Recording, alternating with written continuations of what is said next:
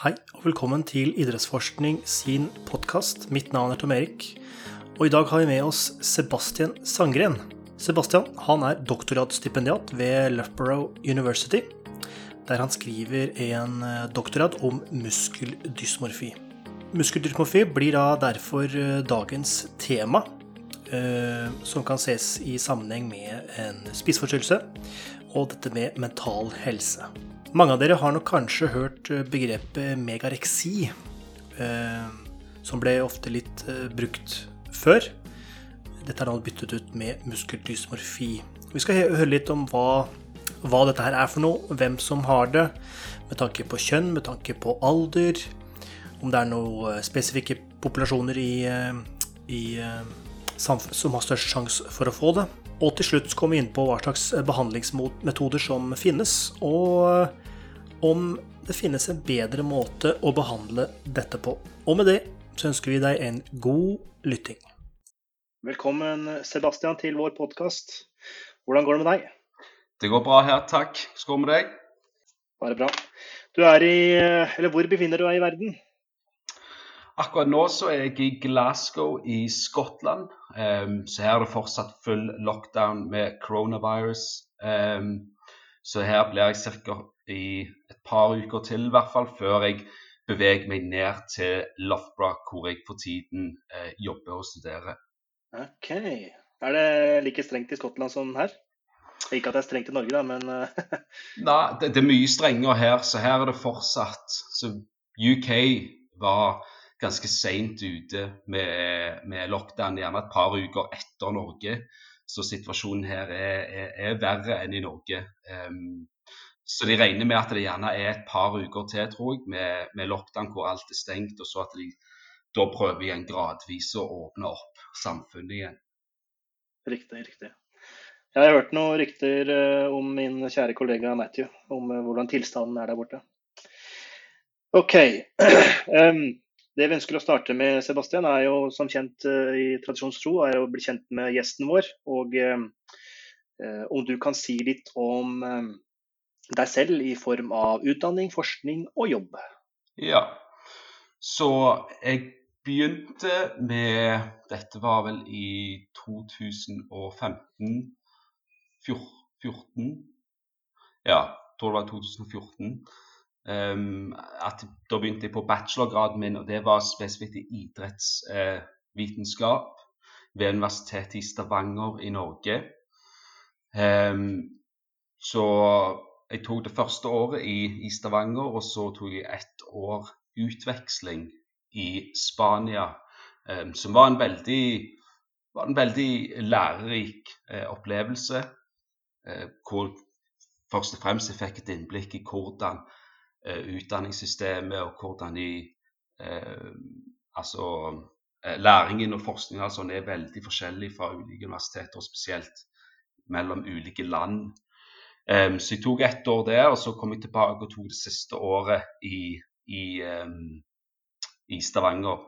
Og etter jeg hadde fullført bacheloren min, så, så, hadde jeg lyst til å spesialisere meg litt mer innenfor idrettspsykologi.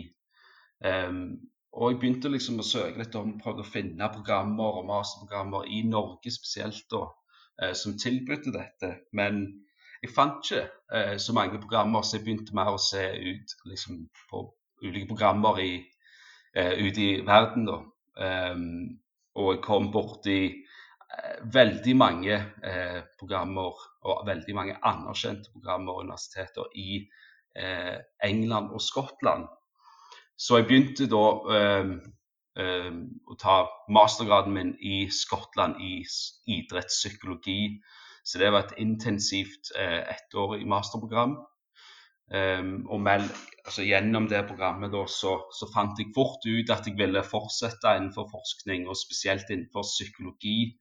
Eh, men gjerne at jeg ville bevege meg litt mer ut forbi, og, altså litt mer bredere enn idrett. Men fortsatt at vi kan bruke mange av disse konseptene og det vi studerer innenfor idrettspsykologi, men at vi kan eh, bruke det i, i andre psykologiske eh, sammenhenger. Da. Så da eh, var det ganske tydelig at jeg ville ta en doktorgrad. Um, så jeg søkte på eh, en, en, god del Og så fikk jeg et stipendiattilbud, om stipendiat ved Loughborough uh, University nede i England, som er et topp top fem universitet i, i, UK. De er nummer én i verden for idrettsforskning. Um, så det passer meg ganske greit da, at, jeg, at jeg kom inn der. Og det er der jeg holder på akkurat nå, så jeg er Eh, snart ferdig med ph.d.-en min her. Riktig, riktig. Du nevnte noe om uh, ulikheter mellom land og, uh, og, læring. Altså Spania, uh, nå UK, og du har vært i Norge, selvfølgelig. på hvilken måte er det ulikt? jeg vil si gjerne at den største ulikheten var Så selvfølgelig hadde jeg kunnet studert ett år i Norge før jeg dro til Spania. Og det var, Den største ulikheten var at det var bare en større fokus på forskningsmetoder i Spania og det universitetet som jeg var på, enn det det var i Norge, syns jeg. Så det var liksom det var først når jeg dro til andre land at jeg fant en sånn veldig stor interesse for forskning og ulike metoder, og eh, hvordan du liksom Eh, takle et, et, et, et, forskningsspørsmål da, ved liksom, bruk av robuste metoder. Og Det fant jeg òg ved liksom, å dra til Skottland. Også. Det var veldig, hele masteren min var veldig veldig eh, forskningsbasert. Det var veldig lite eh, forelesninger, f.eks. For og største chunken av hele graden var, var, eh, gikk ut på ditt eget forskningsprosjekt, hvor du var eh, ansvarlig for å lede dette prosjektet og liksom samle inn en god en god del data. Eh, så jeg vil si at i, i forhold til så det, altså, Fokuset er vel gjerne mer har jeg funnet ut at Det er mer fokus på forskningen enn på undervisning i, i, i vel, fra min erfaring Spania og, og UK. Mm, mm. Tenker du at det er en positiv øh, vinkling? Ja, jeg, tenk, jeg tenker at det Altså det, kom, det kommer an på. Um, jeg tror en god balanse er, er bra. Um, så har du jo sant, andre studenter som, som syns at det, undervisningen er den viktigste eh, biten. Um, men, men sånn, altså, for, for, min del så var, så var det perfekt. Eh, men, men, selvsagt så, så jeg tror jeg en balanse er gjerne den beste, eh, den beste måten å, å, å gå fram på. Mm. Ålreit. Um, greit. Du har jo skrevet uh, i hvert fall en mastergrad, om kanskje en bachelorgrad også, om muskeldysmorfi. Stemmer ikke dette? Jo, det stemmer. Um, og det blir jo på en måte litt av uh, et av temaene vi skal gjennom i dag. Så om du kan fortelle litt om hva er muskeldysmorfi, og hva dine funn gikk ut på? Ja. Uh, så Muskeldysmorfi er eh, for gjerne folk flest kjent mest som eh, megareksi, eller eh, på et annet engelsk ord bigorexia, eller reverse anorexia. Så det er, et relativt nytt fenomen og et relativt ny Altså en sånn mental disorder. Så det har liksom det kom først i litteraturen tilbake i 93, um, ehm, så det er ikke så veldig lenge siden.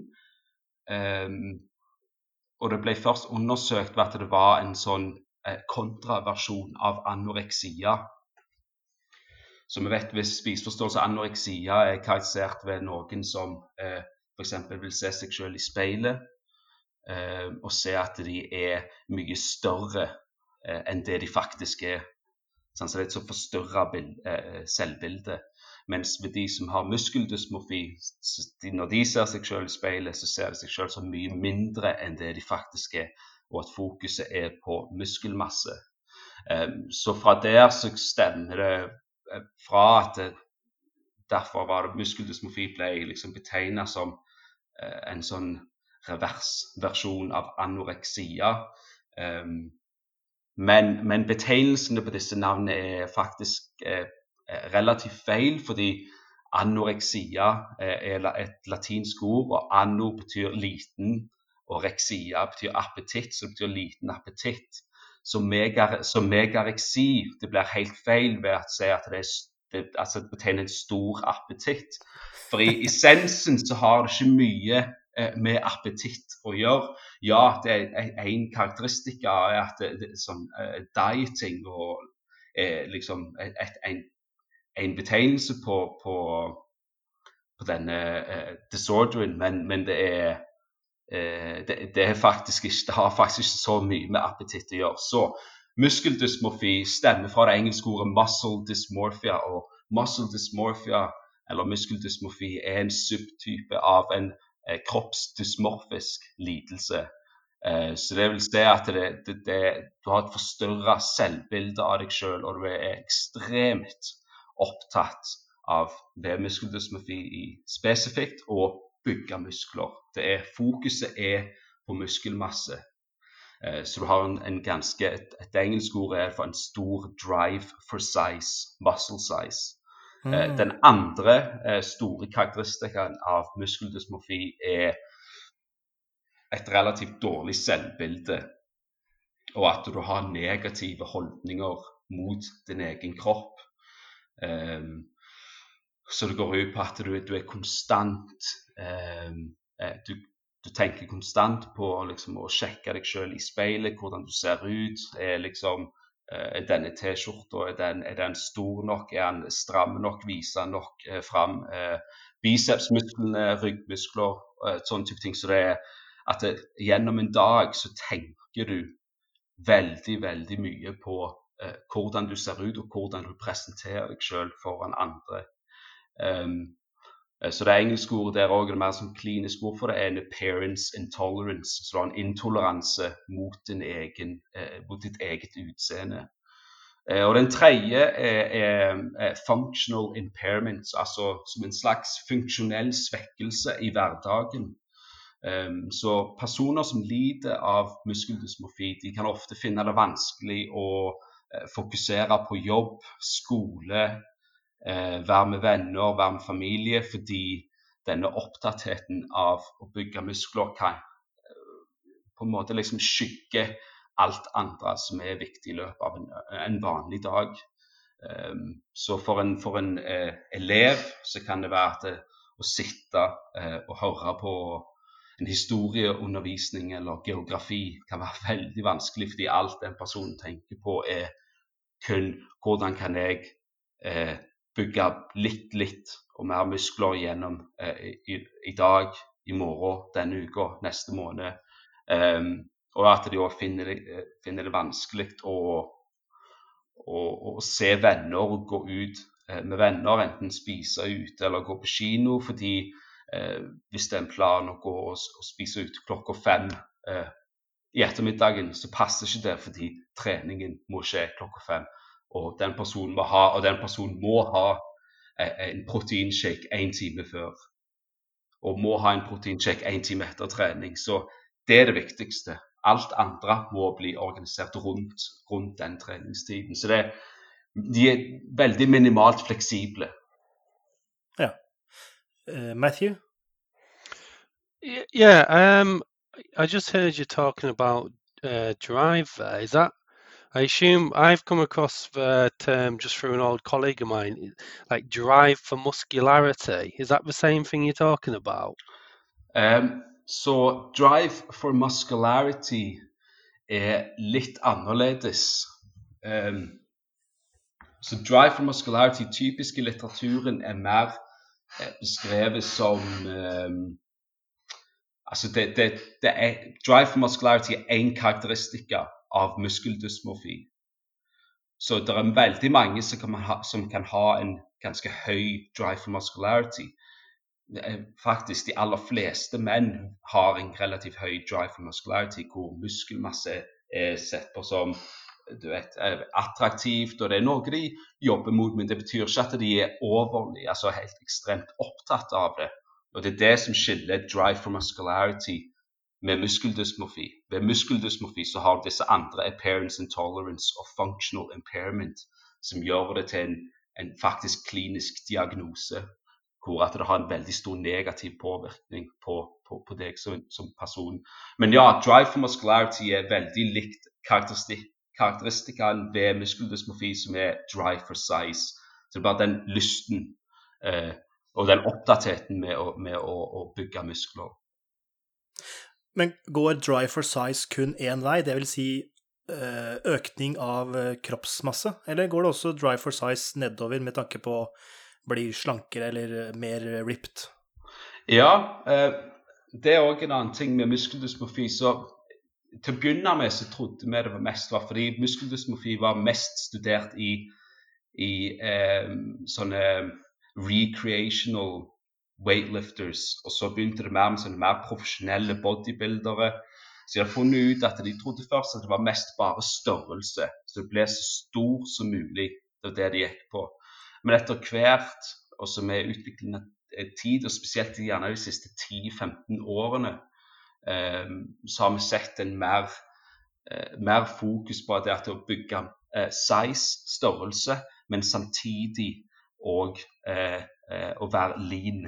Så større muskler samtidig som du òg får mindre kroppsfett. Og sånn at eh, musklene skal være mer synlige. Um, og dette er mye med eh, den her um, bevegelsen av crossfit som begynte i USA for ikke, Det tok vel skikkelig av for rundt 10-12 år siden, tror jeg. Um, ja, jeg tror det. Ja, hvor du har en sånn altså en generell en sånn, en, sånn, en, en cross-fitness. Eh, så at du ikke bare skal være stor og sterk, men òg at du skal være ganske sånn conditioned og ha relativt lav eh, kroppsfettprosent. Mm, mm. Men, men, går da uh, denne drive for size både uh, der hensikten er å oppnå det utseendemessige, men også uh, prestasjonsmessige? Ja, altså Size i forhold til muskler Altså det equals styrke. Så jo større musk eh, musklene er, jo sterkere er du òg. Men eh, ved veldig mange tid Altså mye av forskningen på muskeldysmofi har vært med eh, folk som driver med altså bodybuilding og trener på gym, men ikke at de nødvendigvis eh, driver med altså, systematisk eller sånn competitive altså eh, trening eller konkurrerer, som gjør det da vanskelig. Um, for da må du liksom spørre ikke, okay, hva, er, hva er motivene bak treningen. og Det du ser mye med folk som har muskeldysmofi, at det er stort sett eh, det er sånn appearance-driven eh, motiver. Så det er for å se bedre ut, for å ha, få en bedre fysikk. Sant? Men så har du andre som òg kan selvfølgelig utvikle muskeldysmofi, men vi ser det til en mindre grad, de som driver med eh, competitive eh, idrett. Riktig, riktig. Så, fordi du gjorde jo en datainnsamling eh, fra fem helsestudioer i Stavanger. Ja. Eh, kan du fortelle litt om hva du fant ut der? Ja, så det var um, Så det er vel den studien som jeg gjorde um, Fordi nå er vel det fire Nå kikker jeg på den fra 2016. Ja, så det er fem år siden ca. Og det var den, det er den første eh, altså fokuserte studien på muskeldysmofi i, eh, blant nordmenn. Så ja, vi, vi undersøkte eh, symptomer av muskeldysmofi blant menn som trener på helsestudier. Eh, og vi undersøkte ja, fem, eh, fem helsestudier i Stavanger-regionen. Um, stort sett Stavanger og, og Sandnes. Så vi rekrutterte først 156 uh, menn. Og vi fant at det var en cirka utbredelse på, blant de 156 på rundt 24 eh, som, som, faktisk skårte over en sånn eh, cutoff eh, på det målingspoenget som vi brukte. Eh, og så fant vi òg en del andre sånn sammenhenger med at vi fant f.eks. at de som hadde en større eh, BMI, de viste òg mer symptomer på muskeldosmofi kontra de som hadde en mindre BMI. Men vi fant forskjellige sammenhenger med de ulike Hvis du, tar, hvis du, kan, hvis du faktisk liksom, Muskeldysmofi som helhet, hvis du spretter den buken, og du får da drive for size, appearance intolerance og functional impairment, så så vi at drive for size da var mye større i de som var, eh, som var undervektige eller normalvektige, mens de som var liksom, BMI av sånn overvektig, eh, og de var ofte overvektige fordi de hadde stor eh, muskelmasse, ikke nødvendigvis at de var overvektige i forhold til kroppsvett. kroppsvekt at de hadde en større, eller viste mer symptomer på appearance intolerance. og De var mer eh, og functional impairment. Så, så vi, kan, vi, vi, konkluderte på, på, et vis da at eh, når du, når, du, når du, kanskje har trent for mange mange, mange år, du har bygd opp en ganske stor eh, eh kroppsmasse, så er det gjerne functional impairment og impairance intolerance som er de sterkere symptomene, og at denne drive for sizen er ser ut til å ha en større påvirkning i de tidlige, tidlige eh, fasene av når du begynner å trene. Riktig.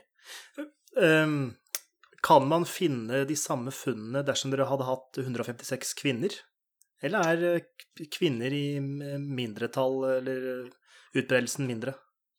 Eh, så vi vet faktisk eh, ikke så mye eh, om kvinner Eh, men av den forskningen som finnes, som er blitt publisert, som jeg er oppmerksom på, hvert fall, så ser du at det, det, er veldig mye de like symptomene, men at det er en mye mindre eh, drive for size blant kvinner. Eh, og dette stemmer òg mye med at for kvinner så er det et større fokus på, på linis. Eh, så du vil ikke ha veldig svære muskler, men definerte muskler. Um, og Dette kommer òg mye med så det, det, er andre eh, forskere som har tydet på at vi, når crossfit ble en, en, en sånn stor ting eh, Det var da vi begynte å se mer eh, en større utbredelse av muskeldysmofi-symptomer blant kvinner òg. Men siden vi, siden vi er på det temaet med muskeldysmofi i kvinner, så tror jeg det kan være lurt å å rette litt lys mot òg at en eh, kollega og venn av meg skrev en masteroppgave på muskeldysmofi blant menn og kvinner. Det var en ganske balansert eh, utvalgsstørrelse av, av begge kjønn eh, ved NTNU for et par år siden. Og de, eh, han fant at av de kvinnene, jeg tror det var rundt jeg tror det var rundt 200, eh, 200 kvinner og 230 menn. Men 17% av de kvinnene skårte eh, over en cutoff. Sånn, sånn, en cutoff er en sånn klinisk cutoff for at det er noen som har stor sjanse for at de, har, eh, at de lider av muskeldysmofi. Så 17% av de kvinnene eh, skårte ganske høyt, kontra Eh, men vi så at det var 27% av de mennene eh, som faktisk eh, skårte over den cutoffen. Eh, så du ser at utbredelsen Så det er bare å punktere at utbredelsen er større blant menn, men vi ser at det begynner òg å bli eh, større, og at det er faktisk ganske utbredt blant kvinner òg, men ikke til samme grad som i menn. Og um, vil uh, oppdagelsen av muskeldysmorfi uh, gjelde flere felt. For dere har jo da konsentrert dere rundt dette med helsestudio. Men eh, hvis dere hadde tatt en uh, idrettslig eh, eh populasjon eller en eh, ja, hva skal jeg si En annen populasjon, hadde dere funnet kanskje ikke det samme, men de samme trendene? Eller er det veldig konsentrert inn mot dette med helsestudio? Det er, ja Uheldigvis så er mye av forskningen helt siden 1993, og det er blitt forska på ufattelig mye fra 93, eller mellom 93 og 97 fram til i dag. Eh, så er stort sett omtrent Altså vel over halvparten av den forskningen er konsentrert rundt eh, vanlige, vanlige, menn og eh, unge menn spesielt i alderen 18 til 23 eller 24 eh, som bare trener, som har et eh, medlemskap på et treningsstudio. Så altså, de demografiske eh, faktorene som spiller inn her, vet vi faktisk ikke så mye om. Så er det litt mer eh, forskning som er gjort på eh, spesifikt innenfor bodybuilding-miljøer, eh, powerlifting-miljøer. Så er det òg litt blant idrettsutøvere. Det er faktisk veldig lite blant idrettsutøvere i ja, forskjellige idretter. Men det vi, har sett, er at det, ser ut som det er en større utbredelse med de samme symptomene i, i, idretter som er veldig sånn eh, vektavhengige. Så f.eks. Eh, eh, og boksing, eh, forskjellige sånn martial arts-idretter. Um, um, bryting, wrestling. Så idretter hvor det er et fokus på å være stor og sterk. Rugby òg. Um, men ja, vi vet faktisk ikke så mye om eh, den generelle utbredelsen av symptomene i disse andre gruppene, kontra det vi, det vi gjør i eh, med sånn en sånn vanlige, eh, eh, vanlig utvalg av bare menn som trener på, på helsestudier. Og Du nevnte jo også aldersaspektet her, fra 18 til 24 eh, år. sånt nå. Men om du vet, eller om kan anta, ehm, er det dette segmentet som er eh, mest utsatt, eller hvor utbredt er det i eh, ungdomsskole, barneskole? Nå er det sikkert ikke så mye forskning på akkurat det, men er det eh, Når man bikker 40, så er det veldig lite utbredt, eller hvordan er alderssegmentet her? Ja, eh, fra et, et, et, problem her er at eh, mye av Eh, den største del av den forskningen som finnes, er blitt gjort med menn som er, eh, og kvinner som er 18 år og over. Og det bygger ned til eh, For å få sånn eh, etisk eh, avklaring, sånn ethical approval fra universitetene hvor den forskningen skjer. Det er vanskelig å undersøke muskeldysmofi med eh, med personer som er yngre enn 18 år. Men det er, er, litt er litt på det, og det er en god del på det med sånn generelt med eh, kroppsbildet, men ikke spesifikt på muskeldysmofi. Men fra den forskningen som er ute der, så tyder det på at det, det er spesielt de tidlige årene der, 18 til, til 24, eh, som er ganske en, en sånn utsatt aldersgruppe og så har du andre studier da, som kan tyde på at det er mer eh, At du kan liksom snevre den ned litt. Så den, den masteroppgaven som jeg nevnte, som ble gjort her i, i, i Norge av eh, Torleif Vålandsmyr, så fant han f.eks. at eh, det var eh, utvalg mellom 18 og 21 år som hadde den største utbredelsen av symptomer. Og jeg har funnet lignende òg i min forskning, at det er mellom mellom 18 og gjerne opp til 22-23 som har eh, vist de største eh, tallene på muskeldysmofi. Um, men ja, vi vet faktisk ikke like mye om eh, de som er yngre enn 18 spesifikt i forhold til muskeldysmofi. Eh, men det er definitivt det er forskning som er gjort med liksom, kroppsbilde, misnøye mer generelt. Um, så jeg tenker da at det er du vet, det er, de, det er de årene der ved slutten av eh, ungdomsskolen, videregående, du beveger deg inn til det 18-19. De årene før, der gjerne fra 15 opp til, til 18 år, som kan være ganske av, noen avgjørende år.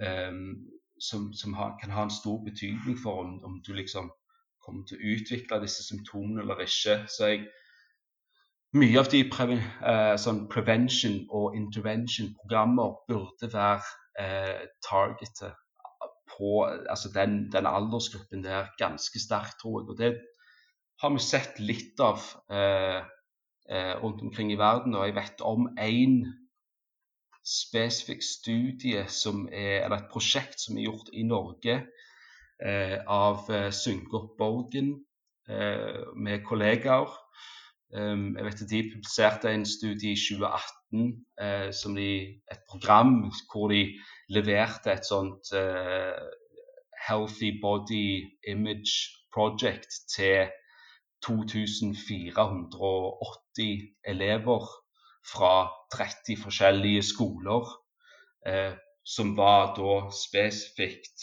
eh, for å, å undervise eh, elevene på, på, på, på, positivt, hva et positivt kroppsbilde er. Eh, så, det, så, det, er bare ett eksempel da, på hvordan liksom, initiativer i den type alderen kan være med og bidra til at du begynner å altså, undervise folk på at det er sant, Kropper er forskjellige.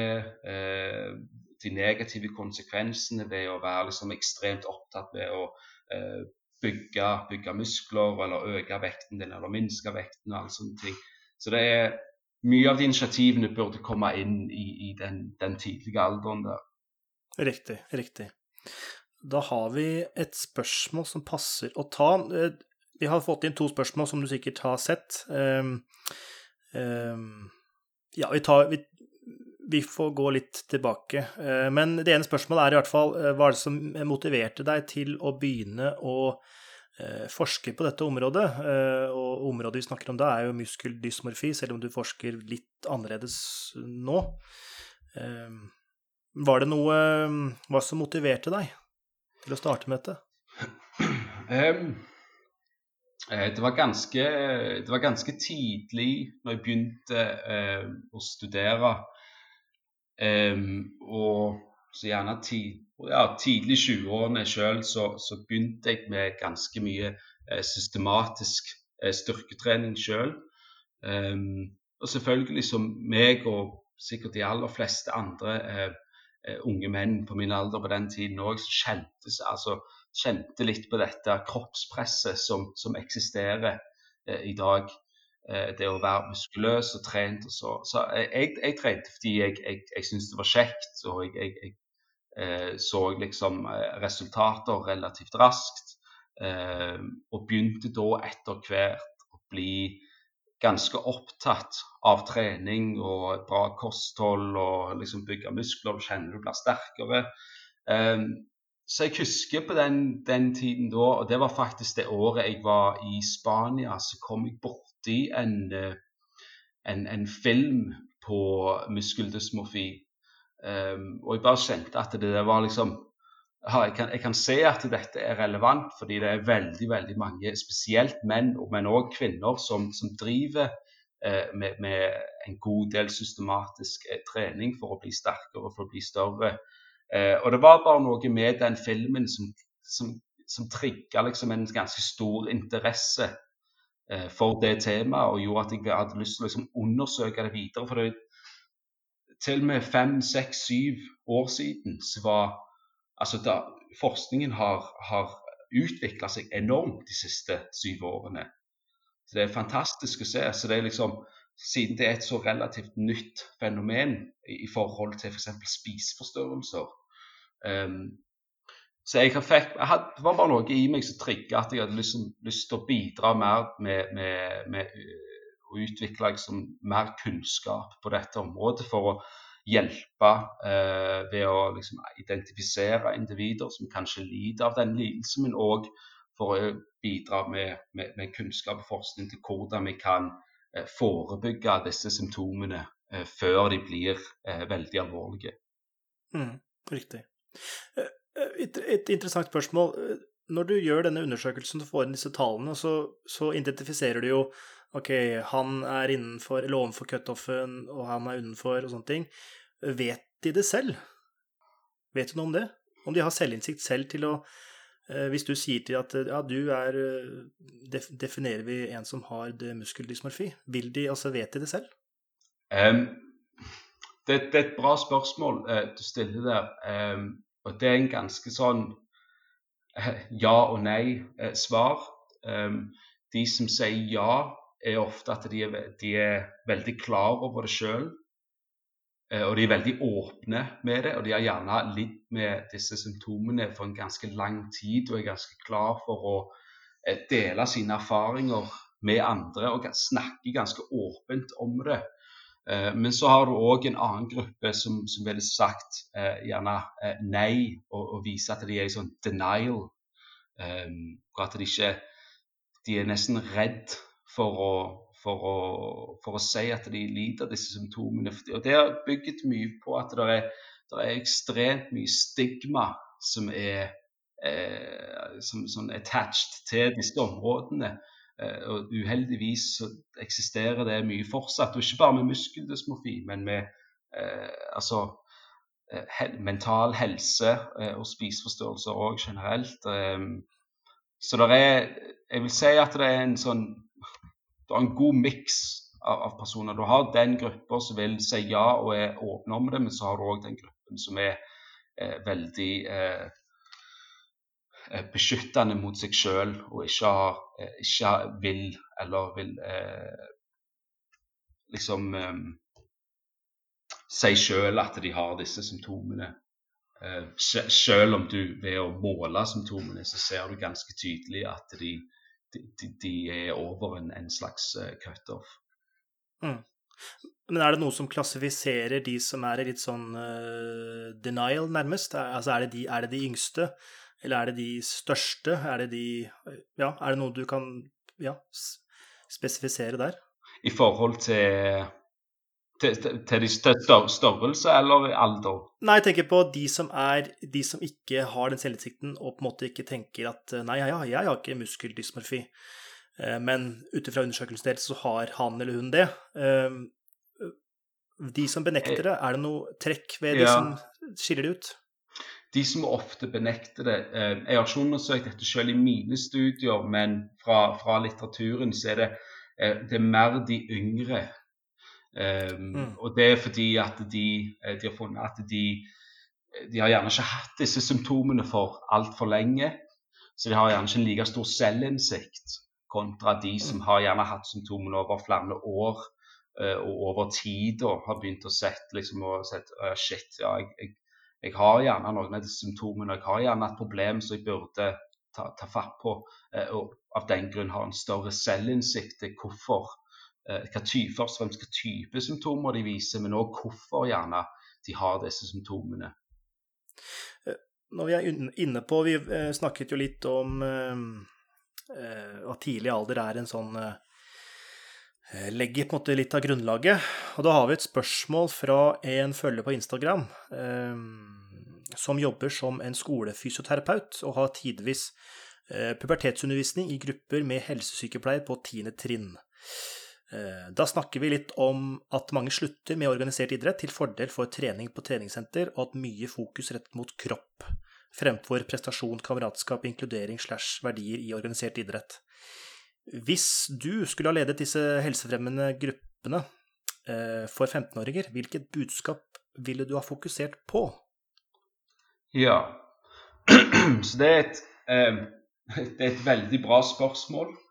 Eh, og det bygger litt på det jeg sa tidligere med dette Healthy, healthy Body Image-prosjektet som ble gjort i Norge, og så jeg mener at de fortsatt òg holder på å evaluere. Så bare for, bare for å sette litt lys på det først, um, mm. så er det for, for, for, personer som jobber i skole og som støtter støtteapparater rundt elever, eh, å ta en titt på litteraturen rundt dette. For det er ufattelig mye av eh, sånne prevention- og intervention-programmer som kan bli implementa i skolesystemer for å rette rett og slett mer fokus på dette med kroppsbildet og det er òg gode retningslinjer ute der for hvordan eh, lærere, eh, fysioterapeuter eller hva en stilling måtte ha rundt å jobbe rundt elever, på hvordan du skal snakke med elever rundt spesielt kroppsbildet.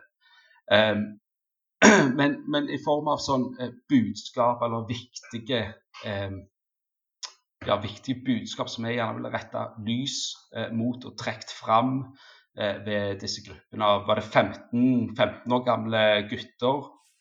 Eh, skal vi se I spørsmål 15-åringer, så det her gjelder vel kanskje begge kjønn? Ja. Mm. Eh, så selvfølgelig så er jo I den tidlige alderen der sosiale aktiviteter og sosial fysisk aktivitet er viktig eh, for å bygge forhold. Eh, Koordinasjon og liksom alt dette her med, med, å være i en gruppe og dette samholdet, kovisjonen i en gruppe. Eh, men det er ikke til å si at eh, ja, vi ser at det er et større fokus blant yngre òg, med at eh, det er mer flere sant, som begynner eh, å trene på helsestudier allerede i en alder nå er jeg litt usikker på om det er en aldersgrense på, norske helsestudier, men jeg tror det er 15 eller 16 år. Ja, Det varierer vel fra senter til senter, men det er sånn cirka der, ja. Ja, sant? så du, du har, du, Vi ser definitivt at det er flere eh, som begynner å trene på helsestudier. Eh, men òg at det er viktig at altså, styrketrening er bra for kroppen. Men moderat styrketrening er best. Så Problemet er ofte at hvis eh, for disse elevene, hvis de begynner å bli altfor opptatt med trening på, på, på, senter og det å bygge muskler raskt Hvis denne opptattheten med det tar over, så kan det bidra til en større sosial distansering eh, blant andre. Altså fysiske og psykologiske konsekvenser hvis det blir tatt helt ut altså, eh, til en sånn ekstrem eh, lengde. Um, så jeg tror at et viktig budskap er at eh, moderat styrketrening er bra. Jeg tror ikke det er bra at um, uh, lærere og, og, og, folk som jobber på skoler skal liksom gi et budskap at å trene på helsestudio ikke er bra. Men det er hvordan vi kan kommunisere den meldingen i den sunnest måte. Um, så jeg tror òg det er viktig å trekke fram at noen tenåringer altså 15, 16, 17, 18 år, de trives rett og slett bare bedre med styrketrening eller eh, annen type trening på helsestudier fremfor å ta del i eh, ulike eh, lagidretter. Så da er det viktig liksom, å se på okay, hva er bakgrunnen til disse elevene. Sant? Er det gjerne de som trener mer på treningsstudio kontra å spille fotball med vennene sine er det de som gjerne har blitt mobba mer over de siste par årene. Sant? Som gjør at de bare automatisk tråkker mer eh, mot eh, idrett og trening som er mer eh, altså selvstendig. Um, så jeg syns at det òg er noe som, som, som burde bli tatt um, og bli trukket fram i, i, i disse eh, altså sånne timer med eh, hvor de snakker om dette temaet, at det, er eh, liksom ikke gi den, den, meldingen at styrketrening er, er, dårlig, og at det kan lede til en haug med eh, psykologiske eh, problemer. Men det er at det er moderat trening, eh, og at det, at det, er kontrollert, at det finnes kunnskap om det, at det er åpenhet om det, at du kan snakke om det, som er viktig. Eh, en annen ting er jo òg at i forhold til Eh, kroppsbildet generelt, eh, så er det viktig at eh, det blir sett, satt lys på at alle kropper er forskjellige, og i stort sett forblir forskjellige gjennom årene òg. Og Det er noe som er viktig å poengtere, at kropper er forskjellige. Så når du ser på sånne ideale kropper gjennom media, altså dataspill, reklame, sant? så er det veldig ofte så er det, er det, er det et feil bilde av hvordan eh, de fleste altså normale kropper ser ut. Um, og samtidig, sant, spesielt hvis vi snakker om 15-åringer, så har jo puberteten en enorm påvirkning her på vekst, muskelmasse, sant, hva fase de er ved hormonell utvikling, så dette er jo noe som er veldig veldig sentralt, i, spesielt hvis det er pubertetsundervisning.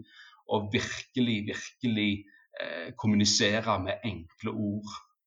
Um, um, annet enn det så, så, kan jeg tenke at eh, noe som ikke bare med yngre personer, men òg med eldre, og det, det som gjerne eh, får folk flest til å forstå eh, er ved å, å legge fram og poengtere de negative helsekonsekvensene eh, av eh, f.eks. overtrening av å trene for mye styrketrening. Eh, du kan trekke inn muskeldysmorfi. F.eks. at skade at denne overopptattheten med trening kan bidra til dårligere eh, eller svekka funksjon i dagliglivet, et mer negativt kroppsbilde. Eh, at eh, sosiale aktiviteter ikke er prioritert. Det kan bidra til altså, en større stress og depresjon. Men òg til slutt også at sjansen for å begynne med å ta andre midler. sant? F.eks.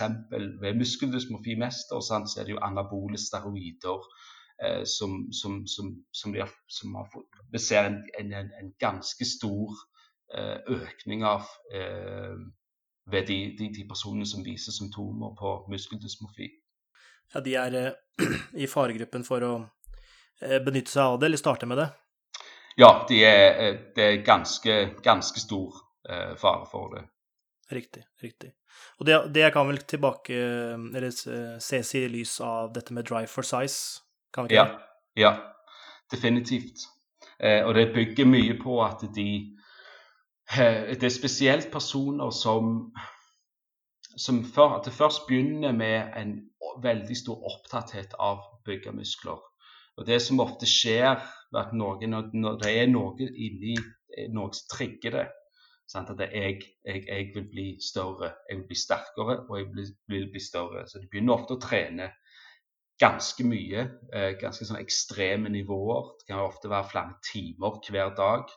Eh, og at de gjerne ikke ser så raske resultater som de ønskelig vil ha over eh, en relativt kort periode. Det er altså, de aller fleste vet at å bygge muskler det tar lang tid. Eh, så det, de som begynner med anabole steroider, er ofte de som er veldig um, utålmodige i den fasen ved å bygge muskler. De, ser ikke resultater raskt, eh, raskt, nok, og da tyr de til eh, steroider for å eh, booste eh, den muskelveksten. Uh, hvis man da på en måte har blitt eh, klassifisert som Eller der man er i tilstanden muskeldysmorfi Det er kanskje ikke en tilstand, men eh, diagnose, eller jeg vet ikke hva du ønsker å kalle det, Sebastian? Ja, det er litt um, Det, det, det er òg et, et, vanskelig spørsmål, det. Fordi det er Ja, det er en tilstand.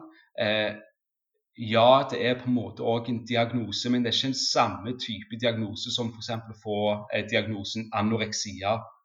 Mm.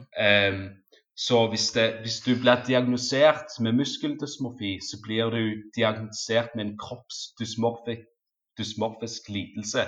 En body dysmorphic disorder. Og muskeldysmorfi er en type, den som sånn specifier som ligger unna eh, kroppsdysmorfisk lidelse. Så det er liksom ikke en sånn Det er ikke en, det er ikke en, det er ikke en klar diagnose i seg sjøl, men du kan bli diagnosert med det. Og hvis man øh, kanskje kjenner på kroppen at man kanskje har det sjøl, eller at man er lærer eller trener, og så ser man øh, noen av disse symptomene som du, som du, snakker om, hva er det man gjør, og finnes det noe behandling? I så fall, hva er det for noe? Så um, um, Det første er jo det, det beste um, lærere, trenere, foreldre kan gjøre for å beskytte sine enten elever, eh, barn, eh, familiemedlemmer, utøvere, er å eh, øke sin egen kunnskap om området. Ved større kunnskap på dette området så har du en mye, mye, mye bedre sjanse for å kunne identifisere symptomer i individer.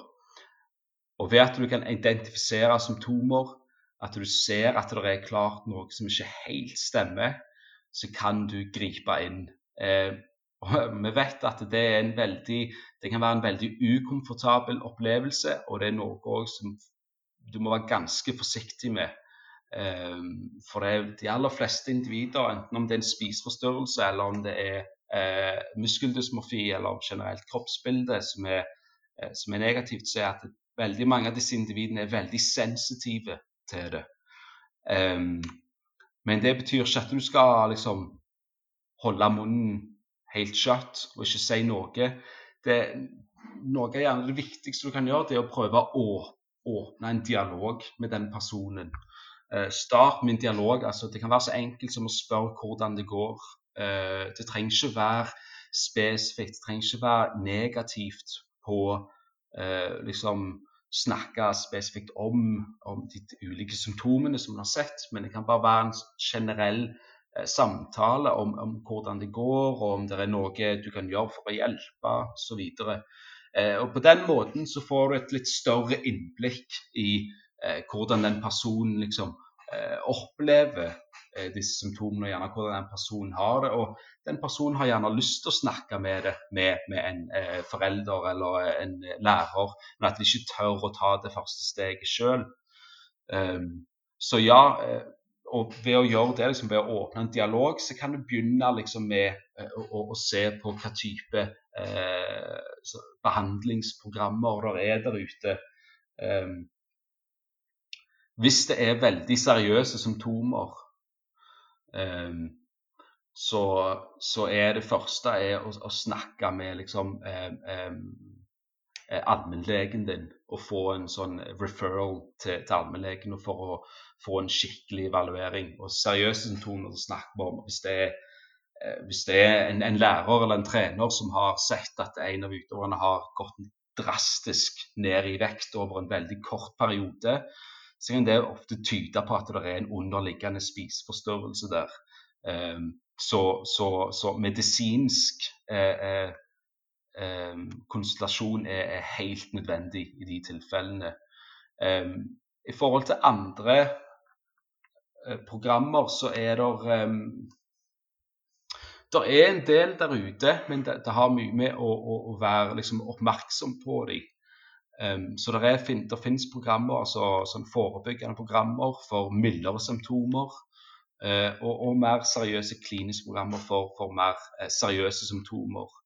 Og innenfor muskeldysmorfi spesifikt um, så er det ikke mange validerte eller, eh, eller evaluerte programmer som er blitt publisert, som jeg har blitt gjort oppmerksom på. Faktisk så vet jeg ikke om et eneste ett intervensjonsprogram som er eh, validert og evaluert der ute.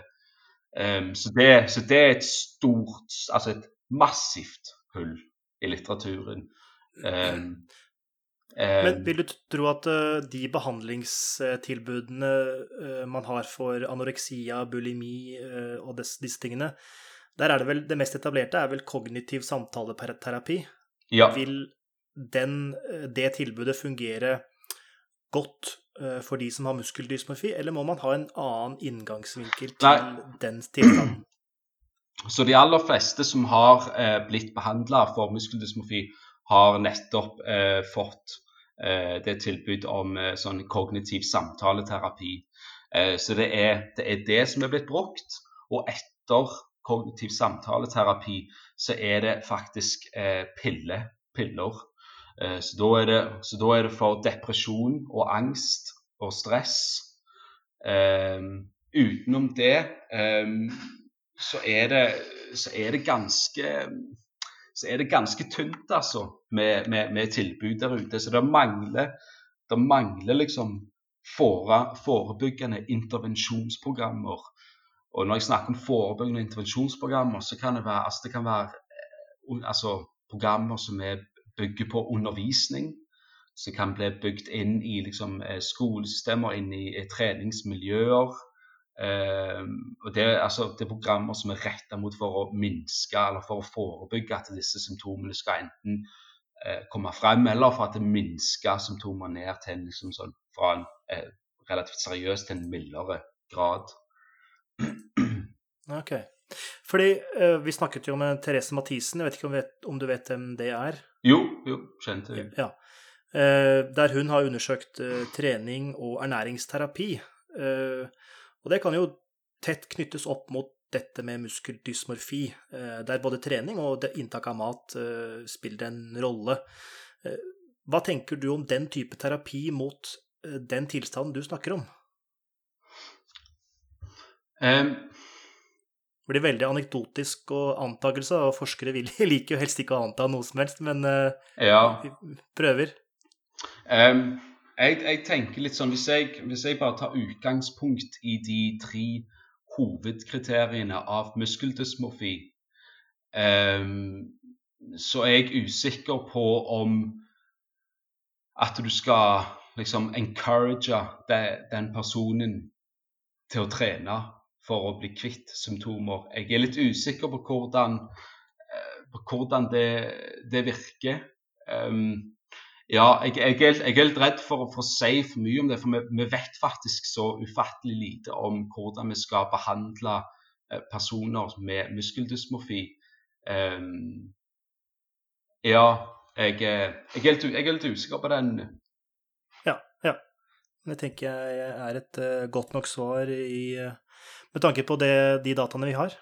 Ja. Uh, men siste publiseringa di går jo på For slik jeg forstår, går litt på dette med det å få et bilde av hvilke intervensjoner som finnes der mot ja, det du kaller, eller det skrives 'eating psychopathology in athletes'. Ja, ja. Er det noe som er relatert til muskeldysmorfi, eller er det noe som er standalone, eller Kan du fortelle litt om den siste artikkelen din? Ja, så Eating psychopathology er en, altså en sånn eh, paraplybetegnelse for eh, spiseforstyrrelser og forstyrra spiseatferd. Så spiseforstyrrelser er eh, kliniske altså diagnoser. Sant? Anoreksia, bulimi, binge-eating. Eh, og forstørra spiseatferd er ganske like symptomer, men til en mildere grad. Og de er ikke, eh, det er ikke en offisiell diagnose. Eh, så eating psychopathology eh, inkluderer da spiseforstyrrelser og eh, forstørra spiseatferd, hvis det gir mening. Så det er bare en sånn over en sånn, det er en sånn svær overbetegnelse da, for, for liksom eh, for spiseforstyrrelser og forstørra spiseatferd. Um, så i den, i den, siste artikkelen der som du, som du trekker frem, så for, tiden så, så, tar jeg eh, doktorgraden min i psykologi ved Loughborough University, og det vi spesifikt ser på, det er eh, spiseforstyrrelser og forstørra spiseatferd i idrettsutøvere. Um, så um, hele um, hovedmålet med, med den uh, oppgaven og det prosjektet mitt er å utvikle et nytt, uh, et nytt intervensjonsprogram for idrettsutøvere med uh, spiseforstyrrelser og symptomer på spiseforstyrrelser. Um, så I den siste artikkelen der så begynte vi med for Vi tenkte at det, før vi, før vi begynner å utvikle et nytt program, så er det lurt å vite hva andre typer programmer finnes der allerede der ute, og hva er effekten av disse programmene? Liker idrettsutøverne disse programmene, eller hvordan kan vi gjøre dem bedre? Um, så det var det den artikkelen gikk ut på. Så vi, vi, vi gjorde en sånn uh, en systematisk uh, litteratursøk uh, for å finne alle publiserte artikler som skriver om eh, et, et, eh, Som har levert et intervensjonsprogram til utøvere. Um, og vi fant at det er ikke så mange som har blitt utvikla. Vi fant at det var 17 ulike artikler som skriver om 13 forskjellige eh, intervensjonsprogrammer.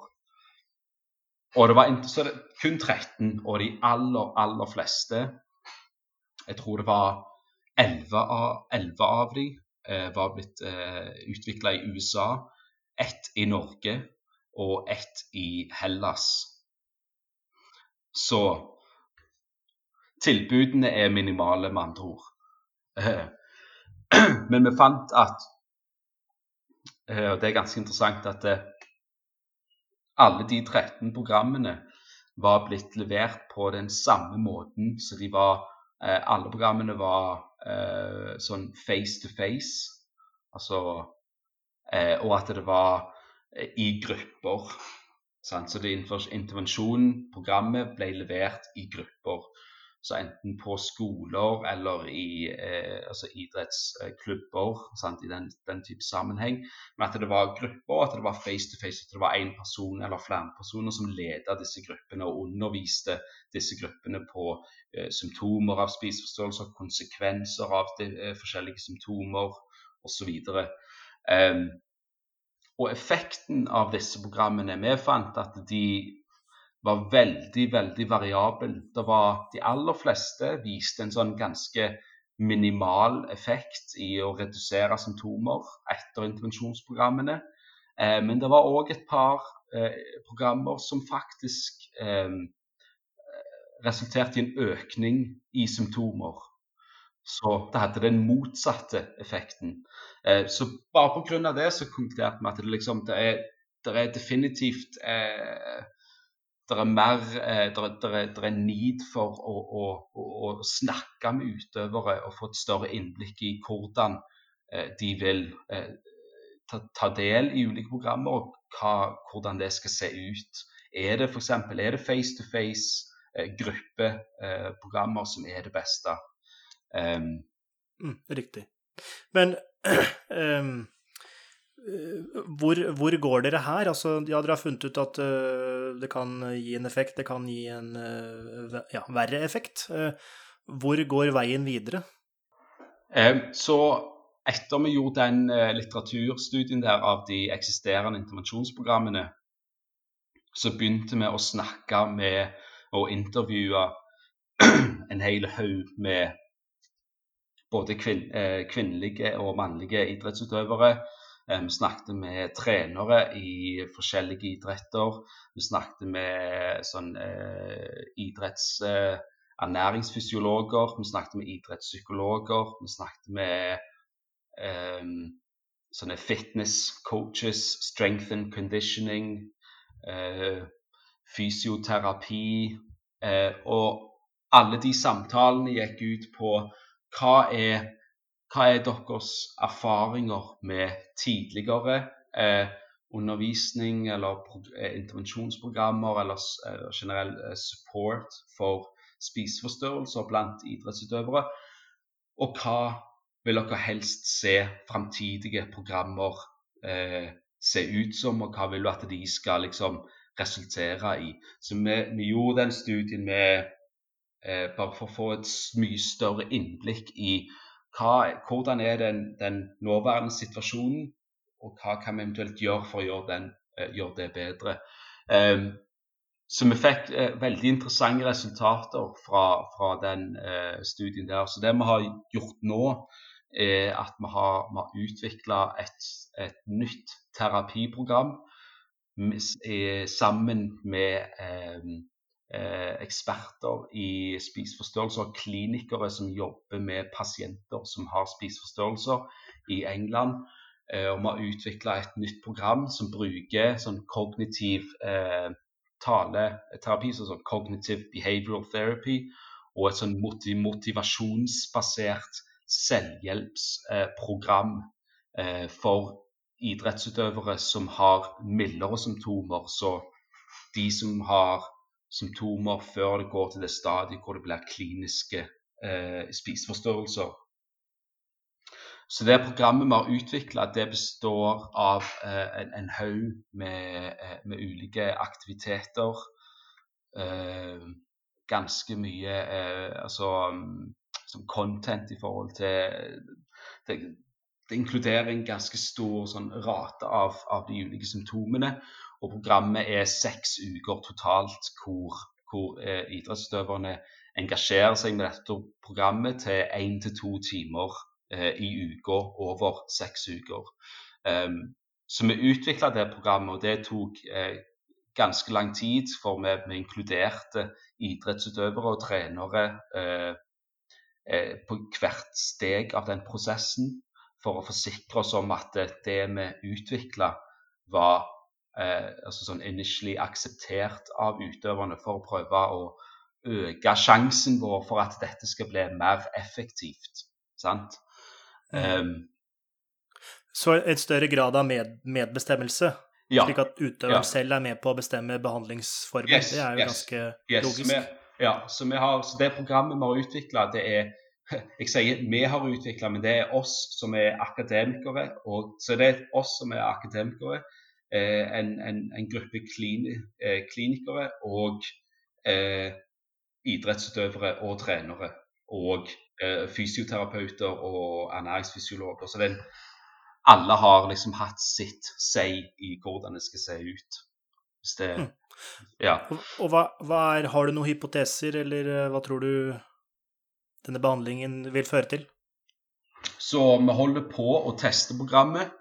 Eh, så vi trodde jo først at eh, med tanke på at det er et selvhjelpsprogram, så vil det si at eh, de som faktisk vil ha nytte av programmet, må være ganske eh, selvmotiverte til å liksom eh, til å minske symptomer og akseptere hjelp og behandling.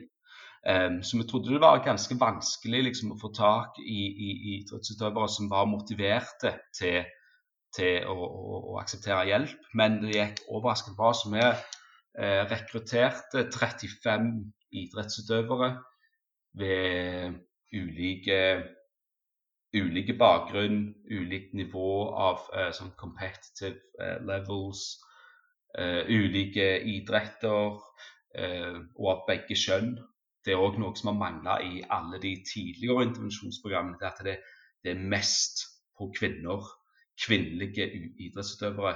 Eh, så vi fikk faktisk en god del eh, mannlige òg. Eh, så vi Alle de 35 har nå vært gjennom programmet, så de har fullført programmet.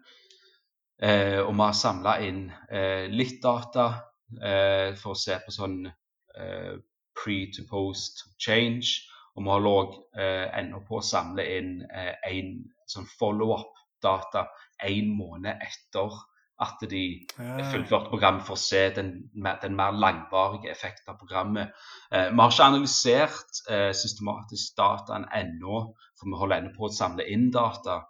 Eh, men av et sånt generelt innblikk og, eh, i, i, i, den dataen vi har, og av de Eh, vi har gjort intervjuer med de aller fleste òg etter de var ferdig med programmet. Det at alle, eh, stort sett alle har sagt at programmet har hatt en enorm positiv påvirkning på sitt spisemønster, på symptomer, eh, på kroppsbilde og selvsikkerhet. Og at de sjøl nå føler mer sånn equipped til å til å søke eh, og ta imot mer eh, hjelp om nødvendig. Ehm, men jeg er helt redd for å si mer enn det akkurat nå, fordi vi ikke har de endelige resultatene. Men av et sånn første innblikk i, i den dataen vi har samla inn nå, eh, så, de, så, virker det å være en ganske positiv effekt. Mm. Ja, absolutt. Det blir spennende å se det siste resultatet. Ja. Og forhåpentlig så eh, er vel kanskje noe av hensikten at dette kan eh, ja, litt sånn proof of concept, at det fører til kanskje et offentlig tilbud for idrettsutøvere, og ja. kanskje det kan også innebefatte større deler av befolkningen, hvis, ja, kanskje må tvikes litt, eller Ja, ja, ja for det, det er det som er så målet vårt er jo å gjøre dette programmet så, så, så, mye available og accessible som mulig. Um, men selvfølgelig så er dette kun den første fasen av å teste programmet. Um, så vi trenger å gjøre mer, mer, testing for å se hvordan idrettsutøvere opplever programmet, og for å måle effekten av programmet gjennom flere studier, og gjennom mer robuste studier. Så den studien vi har gjort nå, gjort nå det er bare en sånn Eh, så i den akademiske litteraturen setter det en sånn single arm trial. Så vi har ikke en kontrollgruppe eller at vi brukte randomisering. Sant? Eh, så, vi, så, det, så neste steget eh, etter denne studien det neste logiske steget vil være å gjøre en, noe som heter en randomized controlled trial. Hvor vi har en kontrollgruppe som ikke får intervensjon, og en annen gruppe som har eh, som får intervensjon, for å se og måle effekten den måten. For da kan vi si med mer sikkerhet at det var faktisk intervensjonsprogrammet som hadde en effekt, og ikke noe annet. Vil det ikke også være naturlig å, øh, også ha en gruppe som også har øh, den mer etablerte face-to-face, én-til-én-terapien? Jo, så den kontrollgruppen um, Og det vil være kontrollgruppa? Ja, så det, det, vi, kan enten, vi, kan enten ha så det kan være tre grupper òg. Så dette er noe vi ikke har eh, Vi har ikke designa denne studien ennå. Eh, og det blir, det blir, definitivt ikke del av min doktorgrad, men det blir gjerne et sånt prosjekt etterpå. Um, så da blir det jo ja, enten to grupper, eller at vi gjerne har tre grupper. Så én gruppe kan være eh, eh, de som får intervensjonsprogrammet. Så har du en annen gruppe som gjerne får sånn vanlig face-to-face-behandling eh, som før. Og så gjerne at du har en tredje gruppe som, eh, som, bare er, som får ingenting. Eh, og Det som skiller seg veldig med dette programmet vårt, som er utvikla her i, i, som del av min ph.d., og med de andre intervensjonsprogrammene som, som eksisterer, det er at alle de intervensjonsprogrammene de var bare gitt til idrettsutøvere uavhengig av eh, grad av symptomer. Um, så de som gjerne tok del i de programmene, de hadde gjerne ikke symptomer på spiseforstyrrelser, eller at de gjerne hadde eh, symptomer. Mens eh, det programmet vi har eh, utvikla, er spesifikt for de som har symptomer. Så hvis du ikke har, hvis du ikke viser symptomer, så, så, er ikke det programmet for deg. Og hvis du viser for seriøse symptomer, så er det heller ikke relevant. Så det er liksom en sånn, sånn spesifikk gruppe som viser symptomer som er mer sånn mildere til moderat før, sant, før det steget at symptomene blir klinisk. Bra. Um, da er vi vel ved veis ende, Sebastian. Føler du at du har fått eh, sagt det du ønsket å si i dag? Ja, jeg tror det. Jeg vil bare si at eh, takk for, at jeg ble invitert til å, å, å gjeste denne podkasten. Og eh, selvfølgelig muskeldysmofi og spiseforstyrrelser er jo et tema som er, begynner å bli mer og mer eh, hett eh, i, i, media, og, og at sant, folk snakker mer og mer om det. Um, så jeg syns det er bra å se at det er mer og mer lys som rettes mot disse eh, litt mer tabu temaene, men som har en enorm eh, påvirkning i, i, i mange eh, personers liv. Da. Ja, absolutt. Det er jo også Vi ønsker jo å være en bred podkast med tanke på temaet. Eh, ja. Så, så vi må jo takke deg også at du tok deg tida til å snakke om dine publiseringer og ditt, disse temaene du brenner for. Ja. Men før vi avslutter helt, så ønsker vi å vite litt eh, dersom man ønsker å følge din forskning videre, og hvordan resultatene blir av denne datainnsamlinga. Eh, hvor er det man kan eh, følge det digitalt? Eh, definitivt på eh, ResearchGate. Um, digitalt, så jeg tenker på research Jeg tenker på andre Twitter, kanskje? Ja, ja altså Twitter ja, Twitter så vil det i hvert fall bli posta om når eh, nye artikler kommer ut. Ehm, eh, enten der, hvis du, hvis du også eh, følger meg på en, eh, andre sosiale medier, så kan jeg også sende gratis versjoner av artikler også, som, som, du gjerne ikke får adgang til ellers. Um, ja, så gjerne Twitter og, Twitter og ResearchGate er gjerne de to største sosiale medier-kanalene hvor, hvor, definitivt eh, mine forskningsfunn blir, eh, lagt ut. Ja. Ålreit. Det er kjempebra. Eh, da takker jeg for eh, deg som hørte på, og, og, håper at du har lært mye om muskeldysmofi og, eh, og diverse andre ting. Det var dette for denne gang, og vi høres om litt.